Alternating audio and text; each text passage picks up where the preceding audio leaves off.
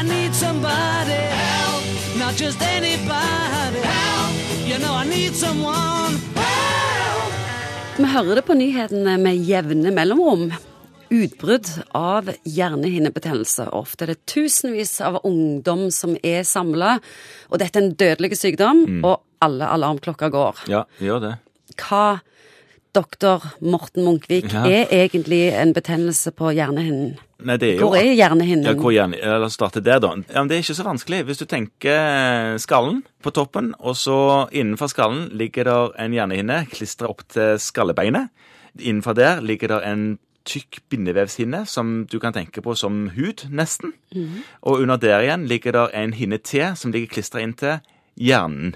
Det er de tre hjernehinnene vi har. Betennelse på en av disse her gir det som vi kaller for hjernehinnebetennelse.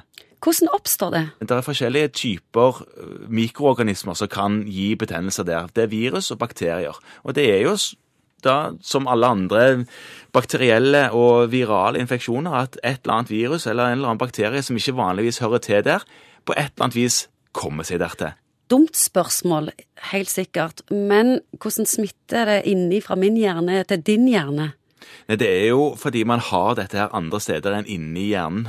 Det er andre steder som gjør at dette her smitter veldig enkelt hvis man er mange folk sammen. Det smitter jo ikke på bussen, f.eks.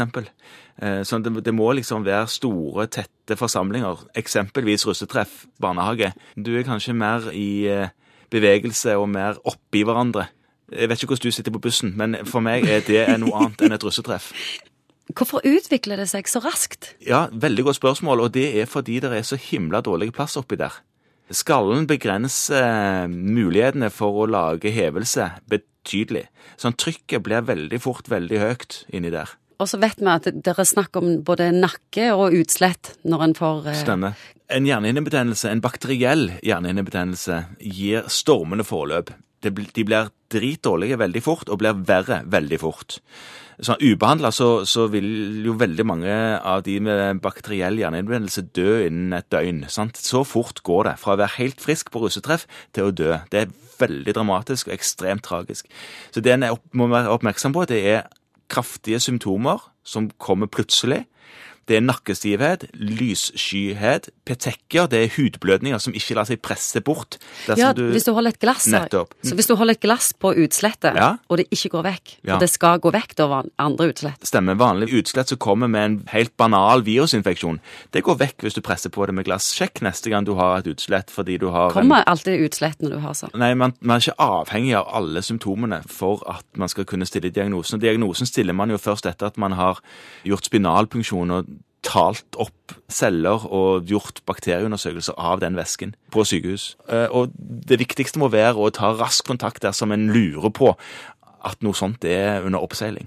Og hvis en ikke dør av det, eller blir frisk av det, Ja. så kan en faktisk bli veldig skada av det. Ja, man kan få Hva er typiske skader?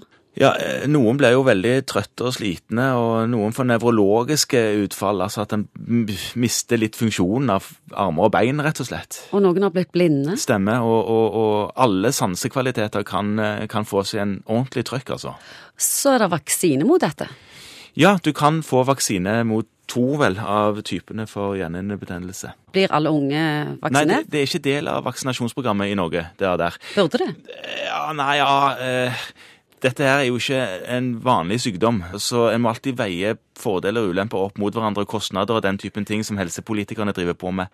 Men man bør nok vaksinere seg dersom man har en eller annen tilleggssykdom som gjør at eh, man har lettere for å bli syk, f.eks. en immunsykdom. Da bør man ta den ene av disse to vaksinene. Og det vurderes sånn fram og tilbake fra Folkehelseinstituttet fra år til år eh, om man bør anbefale alle russ å ta vaksinen, men eh, man har vel ikke gått ut med sånn bred anbefaling eh, til nå.